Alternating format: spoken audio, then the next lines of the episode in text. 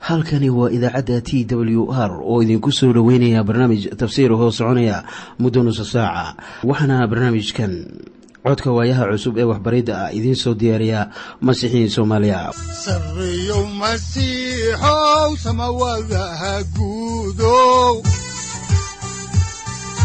Siraadki adduunkow subanaha eebow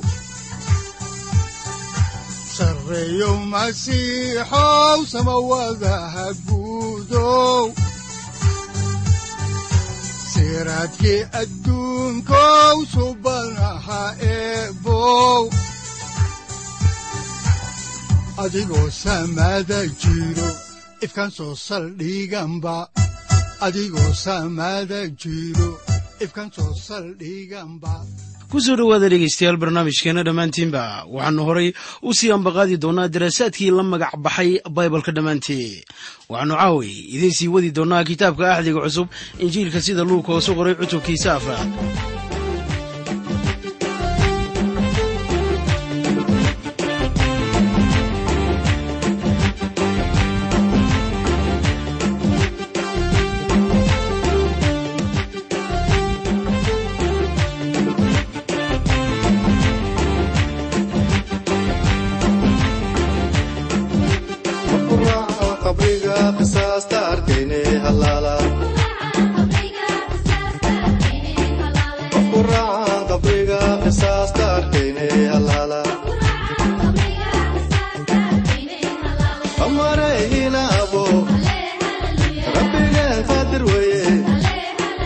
Sen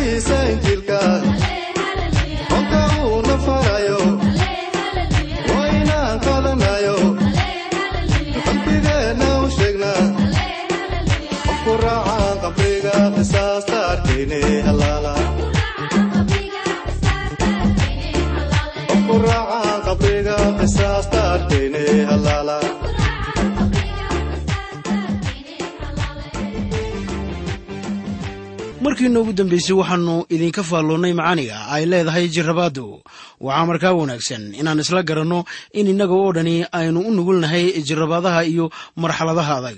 Si aynu kaga gaashaamanno waxyaabahaas xasaasiga waxaynu u baahannahay inaan leennahay ruuxa quduuska. Markaana ereyga ama weedha jirrabaad siyaalo kale ayaa loo isticmaali karayaa waxaa ku qoran kitaabka bilowgii cutubka labayo labaatanaad aayaddiisa koowaad sida tan leh ilaahna waxa uu jirrabay ibraahim marka ay sidaa tahay waxaa loola jeedaa ilaahna waxa uu tijaabiyey ibraahim. Waxaa kaloo la caddeeyey ama la tijaabiyey israa'iil muddo afartan sannadooda oo ay cidlada ku wareegayeen. Haddaba tanu waxa ay keenaysaa in su'aalo ay soo baxaan waxaana la isweydiinayaa miyuu sayid ciise masiix dhacay. Jawaabtuna waxay noqonaysaa maya ma uusan dhicin. Waxaa markaa la isweydiin karayaa miyaa jarribaadahaasu ahaayeen kuwo sharciya jawaabtuna waxay noqonaysaa taasu ma ahayn jirrabaad ee waa tijaabo markaana shay waliba waa la tijaabiyaa.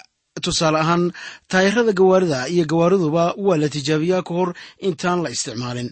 Waxaad had iyo goor aragtaan in telefishinka laga soo daayo xayiisin ku saabsan gawaarida cuscusub oo maraya waddooyin qaxara si loo muujiyo inay xamili karaan dhib waliba ee ay kala kulmaan safarada ay ku aadayaan dhulalka aan jidadka hagaagsan lahayn. Wax waliba waa la tijaabiyaa markaana wixii la tijaabiyey. Haddii ayan u adkaanin sidii loo doonayey kii soo saaray baa ku ceeboobaya. Sayid ciise masiix ma uusan dhici karaynin marka ay sidaa tahay. Tijaabadu miyay sharci ahayd? Baa la isweydiin karayaa. Waxaan markaa idinku leeyahay sharci bay ahayd waxaa markaa la doonayaa in wax waliba la tijaabiyo si loo hubiyo in waxaasu noqonayaan shay adkaysi u leh hawsha loo doonayo in la sameeyo. Taasuna waxay ahayd tijaabada sayidka. Waxay inoo muujisay inaan leennahay badbaadiye quduus ah oo aan lahayn ama yeelanin jaa'ifo oo aan la nijaasayn oo beri ka ah dembiilayaasha oo awooda inuu badbaadiyo dembiilayaasha ugu xunxun kuwaasoo ilaah ugu yimi isaga sida ku qoran cibraaniyada cutubka toddobaad aayadaha shan iyo labaatan ilaa lix iyo labaatan. Sayidka waxaa loo tijaabiyey hab aan innaga laynoo tijaabin marka layna badbaadiyo. Waxaa mar waliba jiraya meel aynu ka jilicsannahay. Markii meeshaas aynu ka jilicsannahay laynaga soo weeraro waynu dhacaynaa oo banjaraynaa laakiinse sayidkeennu ma dhicin. Tijaabadiisuna saddex bay ahayd ama saddex siyaaboodba waa loo tijaabiyey dhanka maskaxda muuqaalka iyo dhanka ruuxa. Sayidka si muuqata ayaa loo tijaabiyey. Haddaynu dib ugu noqonno injiilka sida luug qoray cutubka afraad aayadda saddexaad ayaa waxaa qoran. Markaasaa ibliisku waxa uu ku yidhi haddaad tahay wiilka ilaah ku dhe dhagaxan kibis noqo. Shayddaanka ma uusan weydiinin inuu dembi galo. Kibista ayaa ah waxyaabo daruuri u ah nolosha oo loo baahan yahay mar baa sayidku quudiyey dad gaaraya shan kun oo qof iyo weliba afar kun oo kale. Xaawo waa haweenaydii ilaah abuuray. Ayaa eegtay geed ku yaalla bartamaha beer ceedan oo waxay aragtay inuu cunno ku wanaagsan yahay wayna cuntay. Markaana yoxanaa tijaabada caynkan oo kale ah wuxuu ugu yeerayaa damaca amase waxyaabaha jirku uu jecel yahay sida ku qoran warqadiisii koowaad cutubka labaad aayadda lix iyo tobanaad. Qofka waa khasab inuu noolaado oo waad garanaysaa si uu ku noolaado inay tahay inuu wax cuno. Taasina waa filosofiyadda dad badan ay rumaysan yihiin maanta. Dad badan ayaa ka welwala maxaynu cunaynaa oo cabbaynaa oo xiranaynaa. Taasu waa waxa dadka uu u nool yahay.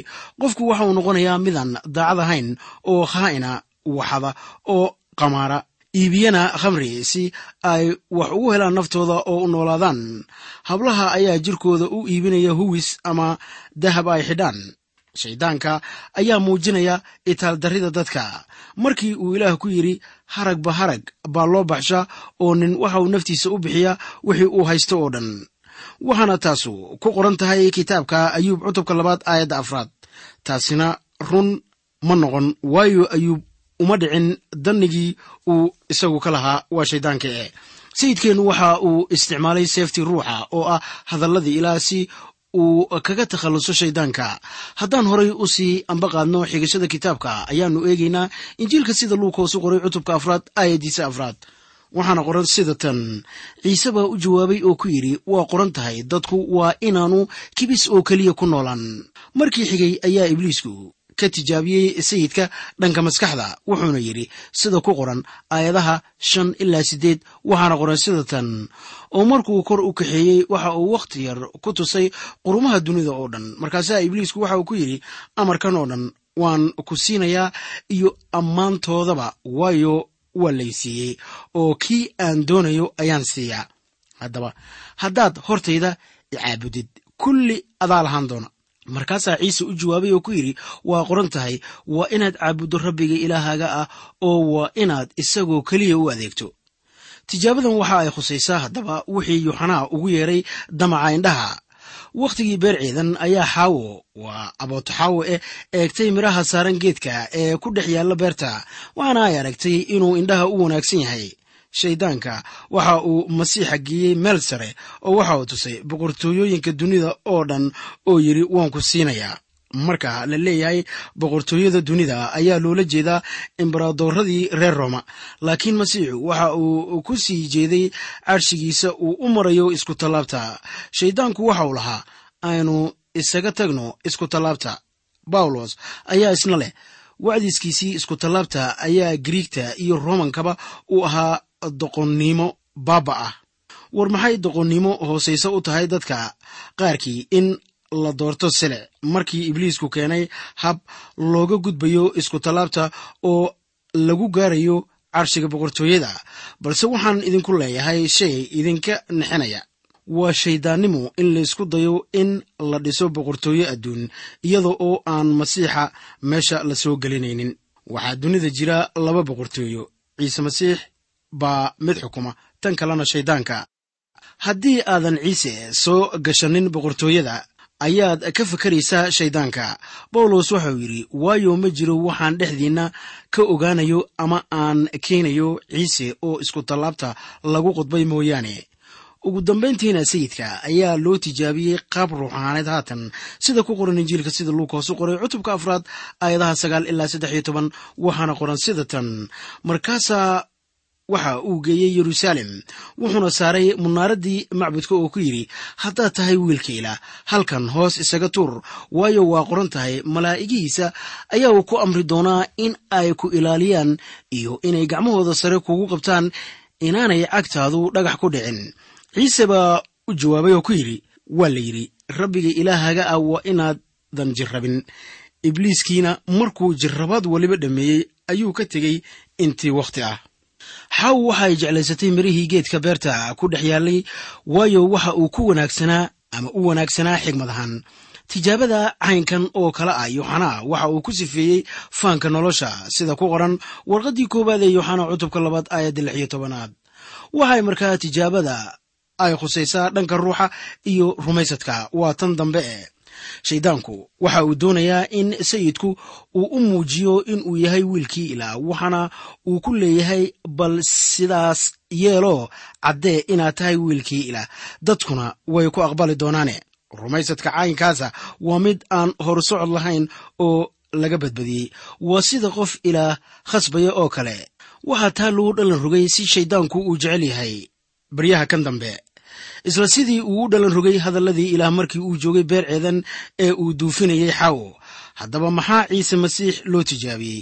Waxaa loo tijaabiyey si aniga iyo adigaba aynu u lahaanno badbaadiye aan dembi lahayn.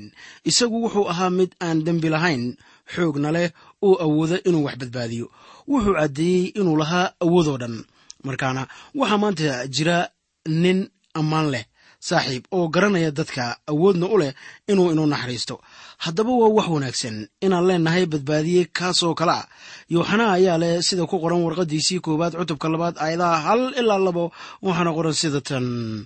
Carruurtaydii waxaan waxyaalahan idinku soo qorayaa si aynaan u dembaabin oo qofuun hadduu dembaabo waxaynu xagga aabbaha ku leenahay dhexdhexaadiye waana ciise masiix kan xaqa oo isaguna waxa uu dembiyadeennu u yahay kafaara gudka oo kuweenna oo keliya uma aha ee weliba wuxuu u yahay dembiyada dunida oo dhan.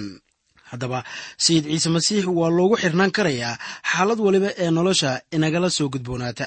Haddaan intaa uga baxno maadadii hore ayaan haatanna eegaynaa injiilka sida luukoose qoray cutubka afraad aayadda afar iyo tobnaad waxaana qoran sida tan. Markaasaa ciise uu xooggii ruuxa kula noqday galilii warkiisuna waxa uu gaaray dhulka ku wareegsan oo dhan. Kadib markii la jirrabay ayaa sayidku waxa uu la yimi xoogga ruuxa quduuska jirrabaadda ama tijaabada laba hal bay dadka u samaysaa waxay xoojisaa qofka amase awoodda ayaa ay ka qaadaa waa sida ciidan oo kale kaasoo ku jebinaya haddii uu ka adkaado. Markaana garan maayo in xooggan uu la yimi aan ku masaali karno sida ciidan. Tan baan garanayaa haddaba oo dhibka iyo silica kugu imanaya iyo tijaabada ayaa ka macno noqonaya in ay jirayaan waxyaabo kharaar kaaga dhigaya waxyaabihii kula soo gudboonaaday. Waxaa kaloo ay noqonaysaa inaad jilicdo ama aad adayg yeelato. Waxaa jira maamaah odhanaysa qorraxdu waxa ay dhalisaa xaydha. Welibana isla qorraxdaas ayaa adkaysa ciidda. Waa dabiicadda amase xaaladda marxaladda ee maahan qorraxda waxa dhaliya xaydha oo ciiddana adkeeya. Ilaah dooni maayo in dadka qalbi qallafsanaadaan oo isagu ma uusan adkaynin niyaddii fircoon. Fircoon horay buu u niyad xumaa ilaahna xaqaa'iq buu keenay bannaanka. Sayidkeenna waxaa lagu masaalay dadka. Qorninka ayaa xaqaa'iqaas adkaynaya sida ku qoran warqaddii cibraaniyadda cutubka labaad aayadda toddobiyo tobanaad oo leh haddaba waxaa isaga u ekayd in uu wax waliba u ekaado walaalihii inuu wadaad sare oo naxariis iyo aamin badan leh u noqdo xagga waxyaalaha ilaah si uu caratir ugu noqdo dembiyada dadka. Sayid ciise masiix waxa uu noqday nin oo kadib tijaabadan noloshiisa la soo gudboonaatay aawadeed wuxuu u baahnaa ruuxa quduuska. Oo haddii sayidkeennu u baahnaa xoojinta ruuxa quduuska kadib markii la tijaabiyey innaguna intee in la eg baanu u baahannahay awooddaas. Haddaan horay u sii ambaqaadno xigashada ayaannu haatan eegaynaa injiilka sida luuka hoos u qoray cutubka afraad aayadda shan iyo tobanaad waxaana qoran sida tan. Sunagoogyadoodana ayaa uu wax ku baray dhammaanna waa la wada ammaanay isaga. Kadib markii la tijaabiyey ayaa sayidku ku noqday galilii oo waxa uu dadka wax ku baray sunagoogada. Dadkiibaa ammaanay waa la ammaanay oo loo hambaliyeeyey haddaba aayaddanu waxa ay u muuqataa sida ammaan oo kale. Miyaydnan ogeyn in ay suuragal tahay in la ammaano oo welibana la diido. Waa suuragal in ammaan loogu gabyo marka hore dabeetana wixii uu sheegtay la diido. Isla dadkii badnaa oo ku heesay hosana oo doonayey inay boqor ka dhigtaan ayaa maalintii xigtay inta soo xoomay lahaa halla qodbo. Waxaan ka fakarayaa sawirka ah qudbidda masiixa markii iskutallaabta inta la saaray haddana laga soo furay markii uu dhintay. Meel halkaa ka dambaysana waxaa jooga qaylkii dameereed ee uu fuushanaa oo cunaya. Caleemihii geed timireedka ay ruuxayeen oo qallalay. Taasaa lagu sifeyn karayaa oo maalin sayidka ayaa ay ammaanayeen oo waxay lahaayeen. Waxaa barakadaysanka magaca rabbiga ku imanaya. Maalintii xigtana wayba qodbeen haatan waxaannu soo gaaray mid ka mid a dhacdooyinka ugu qaayaha weyn leh ee ku qoran ereyga ilaah. Waa qiso xigmadii ku dheehan tahay oo keenaysa iftiin waxaana ka buuxa macaani weyn wayna habboon tahay in la eego. Waana tan sida doctor luukos u qoray dhacdadan sida ku qoran injiilka sidii uu u qoray cutubka afraad aayadaha lix iyo toban ilaa koob iyo labaatan oo leh markaasuu wuxuu yimi nazaret oo ahayd meeshuu ku koray oo maalintii sabtida sida caadadiisu ahayd ayaa uu sinagoga galay wuuna istaagay in uu wax akhriyo waxaa loo dhiibay kitaabka nebi isayos oo goortuu kitaabkii furay ayaa uu helay meeshii lagu qoray ruuxii rabbiga ayaa idul jooga. Waayo waxa uu ii subkay inaan war wanaagsan masaakiinta ku wacdiyo wuxuuna ii soo diray inaan kuwa xiran furninnimada ogeysiiyo iyo kuwa indhahala soo celinta araggooda iyo inaan kuwa nabaraysan soo furfurto iyo inaan dadka ogeysiiyo sannadda qaabilaadda ee ah rabbiga intuu kitaabkii duuduubay ayaa uu madiidinkii u dhiibay oo fadhiistay oo dadkii sunagoogii ku jiray oo dhan ayaa indhaha ku taagay. Markaasuu bilaabay in uu ku yidhaahdo maanta qorniinka dhegihiinnu maqlay waa rumoobay. Dhacdadan waxaa keliya oo qoray ditor luukos waana dhacdo aynan sidaas ku daynaynin. Laakiin waa inaan wax ka nidhaahno haddaba waxaa laynoo sheegay kadib jirrabaadan in sayidku ku soo noqday gurigiisii. Caadiyan reer nasaret aad bay ugu faraxsanaayeen ciise oo haatan bilaabay inuu caan noqdo. Markaana sidaa caadadiisu ahayd maalinta sabtida waxa uu yimi sinagogadii ku taallay nasaret waxaa haddaba ogaataa inaanu weligii soo dhoweynin fikradda khaldan ee ah inaad ilaah ku caabudayso dabiicad ahaan iyo inaad weliba ku caabuddo meelo u gaara. Waxaannu weli ku noolnahay ama ku jirnaa maalmo yaab leh oo ah maalmihii injiilka. Markii uu kol dambeeto yimaado ayaa maalintaasu noqonaysaa maalinta aarsashada ilaaheenna. Haddaan halkaa ka sii wadno kitaabka ayaa waxaa ku qoran injiilka sida luukas u qoray cutubka afraad aayadda labaiy labaatanaad sida tan. Kulligood markhaati bay ahaayeen weyna ka yaabeen hadallada nimcada leh oo afkiisa ka soo baxay markaasay yidhaahdeen kanu miyaanu ahayn wiilkii yuusuf. Dadkii way eegeen isagii waxaana ay garanayeen inuu ahaa wiilkii yuusuf kii nijaarka ahaa. Taasina waxay u muuqataa inay hallaynayso wixii uu u sheegay oo dhan. Waxaana ay lahaayeen sidee buu isagu ku noqon karayaa masiixa? Injiilka sida luukos u qoray ayaa caddaynaya inuu qaaday dadnimadeennii aan kaamilka ahayn haddaan horay u sii ambaqaadno axdiga cusub ayaa waxaa ku qoran injiilka sida luukos u qoray cutubka afraad aayadaha saddex iyo labaatan ilaa iyo toddoba iyo labaatan sida tan. Kolkaasuu ku yidhi shaki la'aan waxaa masaalkan igu odhan doontaan dhakhtarow isbogsi. Wax kastooo aannu maqalay oo kafarna'um lagu sameeyey halkan dhulkaagana ku samee.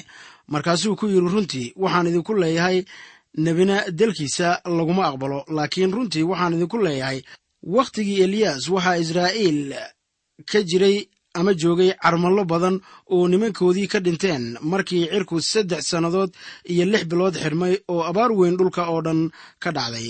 Laakiin midoodna eliyas looma dirin. Naag carmala oo magaalada sarefta oo dalka sidoon ku jirtay mooyaane. Wakhtigii nebi elishana waxaa israa'iil ka jiray dad badan oo baras qaba.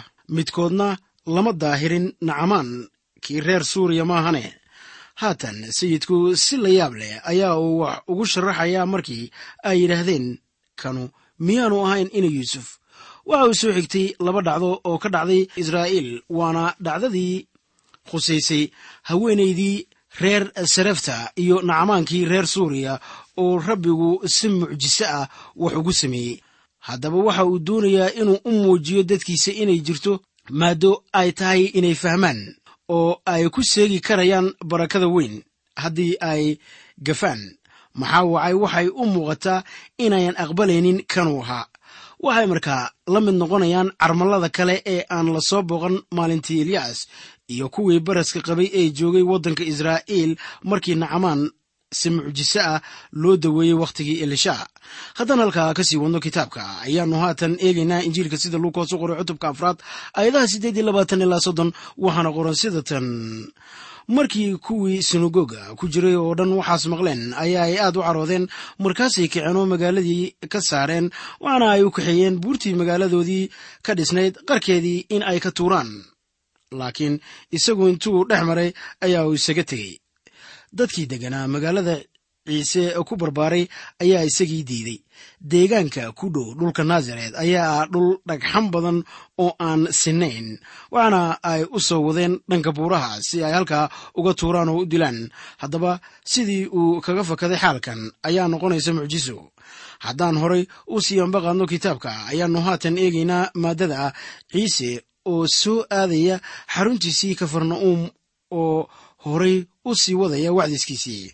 Haddaan horay u sii wadno injiilka sida luug hoosu qoray ayaa waxaa ku qoran cutubka afraad aayadda koob iyo soddonaad sida tan. Wuxuuna degay kafarna'uum oo magaalada galilii ah oo maalmihii sabtida ayaa uu dadka wax barayey laakiin matayos iyo markos ayaa waxa ay qoreen in sayid ciise masiixi ka qaatay xaruntii magaalada uu ku dhashay ee naasaret oo uu u soo wareegay kafarna'uum oo ku taalla xeebta badda galilii wuxuu sidan u sameeyey ayaa waxay ahayd in dadkii magaaladaasi ay diideen inay qaabilaan. Waxaa markaa dhacday inay timid maalin uu dadka ku yidri sida aanu ku arki doonno injiilka sida luukoos u qoray cutubka tobnaad aayadda shan iyo tobanaadoo leh. Welina ma aanaan gaarine. Adiguna kafarna'uumay samada ma lagu sarraysiin doonaa. Waxaa lagu dejin doonaa haadees waxaa taa ugu wacan in halkaasu ay ahayd xaruntiisa dadkuna waxay haysteen fursad. Waxaa markaa caddaan noqonaysa in iftiinku keenayo mas'uuliyad waxaa taa loola jeedaa haddii aad aqoon u leedahay waxyaabo badan oo lagugu wacdiyey waa inaad qaadato. Haatanna aynu eegno injiilka sida luukoos u qoray cutubkiisa afraad aayadda labayo soddonaadoo leh. Waxbariddiisiina way la yaabeen waayo hadalkiisu amar buu lahaa sayidku. Waxa uu dadka wax ku barayey sunagogada maalintii sabtida umana uusan hadlin sida culimmada iyo farisiinta laakiin wuxuu u hadlay sida mid leh awood. Haddaan halkaa ka sii wadno ayaa waxaa ku qoran isla cutubka afraad ee injiilka sida luukoos u qoray aayadaha soddon iyo saddex ilaa soddon iyo toddoba sida tan. Waxaana sunagoga joogay nin jinni wasakhle qaba cod weyn ayaa uu ku qayliyo waxau yidhi nadaa maxaa inoo dhexeeya ciisaha reer naasireedow ma waxaad u timid inaadna baabi'iso. Anigu waan ku garanayaa kii aad tahay kan quduuska ah ee ilaah. Ciise baa canaantay oo ku yidhi aamus oo ka soo bax. Jinniguna goortuu ninkii dhexda ku tuuray ayaa uu ka soo baxay. Waxbana ma uu yeelin. Yaab weyn ayaa ku wada dhacay wayna isla wada hadleen oo yidhaahdeen waa maxay hadalkan? Waayo jinniyada wasakhda leh ayuu amar iyo xoog ku xukumaa wayna ka baxaan meel kasta oo dalka ku wareegsan ayaa warka isagoo ku saabsanay gaaray. Waxaannu noolnahay maalmo jinniyadii ay madaxa kor u qaadeen mar kale oo caabudista shayddaankuna tahay mid muuqata oo caddaan ah. Jinniyadu waxa ay jireen wakhtigii sayidkeenna oo haatanna way jiraan sayidkeennu waxa uu dadka ka saaray jinniyadii hayay iyadoo haatanna la isticmaalayo daroogo ayaa ay welibana adag tahay in la sharaxo qaar ka mid ah ficilada iyo dembiyada la galo. Marka laga reebo awoodda shayddaanka iyo maamulkiisa. Haddaan halkaa ka sii wadno injiilka ayaannu eegaynaa cutubka afraad aayadaha siddeed iyo soddon ilaa sagaal iyo soddon waxaana qoran sida tan. Markaasuu sinagogii ka soo kacay oo waxa uu aaday gurigii simoon simoon sodohdiisna qandho weyn ayaa qabatay markaasay isaga u baryeen aawadeed oo intuu isa soo dultaagay ayaa uu qandhadii canaantay weyna daysay. Kolkiiba way kacday oo u adeegtay iyagii. Kadib markii uu ka soo baxay sinagogii ayay u muuqataa in sayidku aaday gurigii simon butros si uu halkaa uga soo qadeeyo. Isla markaas uu ku jiray guriga simon butros. Waxa uu daweeyey simon butros sodohdii oo qandho xumi haysay. Haddaba dadku waxa ay ku gartaan qandhada hadba sida heerkulka jirku yahay. Waxaana caddaan ah in qandho xume haysay. Sayidkeennu waxa uu canaantay qandhadii oo sida luukos oo dhakhtar ahna leeyahay wuu ka hortegey haddaba qandhadu waa sida ey waalan oo xargagoostay waxaa markaa laynoo sheegay in ay islamarkiiba kacday oo u adeegtay iyaga. Markii sayid ciise masiix uu qof daweeyo ayaan bogsiintu si tartiiba ku imanaynin laakiin isla markiiba waa la arkaa waana wax la yaab leh. Haddaan halkaa ka sii wadno kitaabka axdiga cusub ayaanu haatan eegaynaa injiilka sida luukoos u qoray cutubka afraad aayadaha afartan ilaa afar iyo afartan waxaana qoran sida tan markii qorraxdu sii dhacaysay dadkii oo dhan oo lahaa dad cudurro kala cayncayn ah qabay ayay isaga u keeneen mid kastaba gacmihiisuu saaray oo bogsiiyey. Jinniyona dad badan ayaa ay ka soo baxeen iyaga oo qaylinaya oo leh adigu waxaad tahay wiilka ilaah. Isaguse waa canaantay oo uma oggolaanin inay hadlaan waayo waxa ay garanayeen inuu masiixa yahay. Goortii ay maalintii noqotay ayuu baxay oo meel cidla ah tegey. Dadkii badnaana way doondooneen oo u yimaadeen wayna qabteen si aanu uga tegin. Laakiin waxa uu iyagii ku yidhi waa inaan magaalooyinka kalena injiilka boqortooyada ilaah ku wacdiyo. Waayo sidaa darteed waa la ii soo diray oo sunagogyada galilii ayaa uu dadka ku wacdiyi jiray. Maalintu waxa ay ku bilaabatay isaga oo jooga sunagoogta oo subaxnimadaas dadka halkaa wax ku baraya. Haatan waa wakhti fiidkii ah oo sayidku bannaanka ayaa u baxay oo u tegey dadkii badnaa ee halkaas isugu soo ururay wuxuuna tegey meel oo meel kale imanayey. Matayos oo arrinkan wax ka qoraya ayaa soo xigtay kitaabka ishaaciya oo waxauu yidhi sida ku qoran injiilka uu qoray cutubkiisa siddeedaad aayadda toddobiyo tobanaad.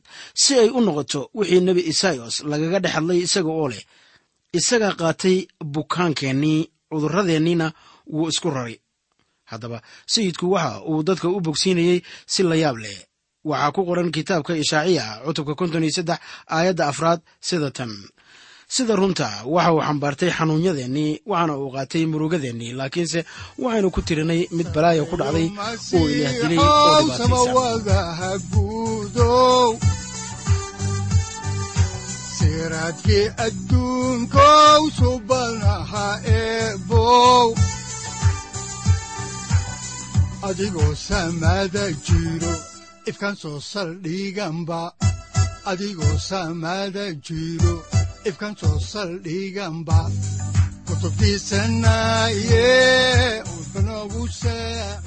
halkani waa t w r idaacadda t w r oo idinku leh ilaa ha idin barakeeyo oo ha idinku anfaco wixii aad caawi ka maqasheen barnaamijka.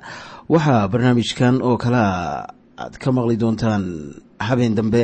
Hadahan oo kale haddiise aad doonaysaan in aad fikirkiina ka dhiibataan wixii aad caawi maqasheen ayaad nagala soo xiriiri kartaan som t w r at t w r c o k e haddii aad doonaysaan in aad dejisataan oo kaydsataan barnaamijka ama aad mar kale dhegaysataan fadlan mar kale booqo www t w r o r g. Amase waxaad teleefoonkaaga ku kaydsataa ama ku download garaysataa agabyada ku sahli karaa dhegeysiga t w r haddii aad doonayso in laga kaalmeeyo dhinacyada fahamka kitaabka amase aad u baahan tahay duco fadlan fariimahaaga soo mari bogga aaraahda ama kommentska inana jawaab degdeg ah ayaanu ku soo diri doonaa amase ku siin doonaaye sareyow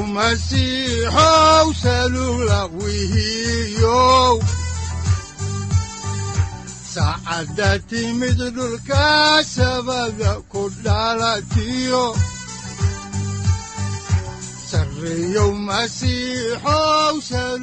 halkani waa t w r oo idiin rajaynaya habeen baraare iyo barwaaqaba leh inta aynu ka gaari doono wakhti aynu ku kulanno barnaamij la mida kan caawayay aad maqasheen. Waxa aan idinku leeyahay nabadda ciise masiix ha idinku badato xagga jidhka iyo ruuxaba. Aamiin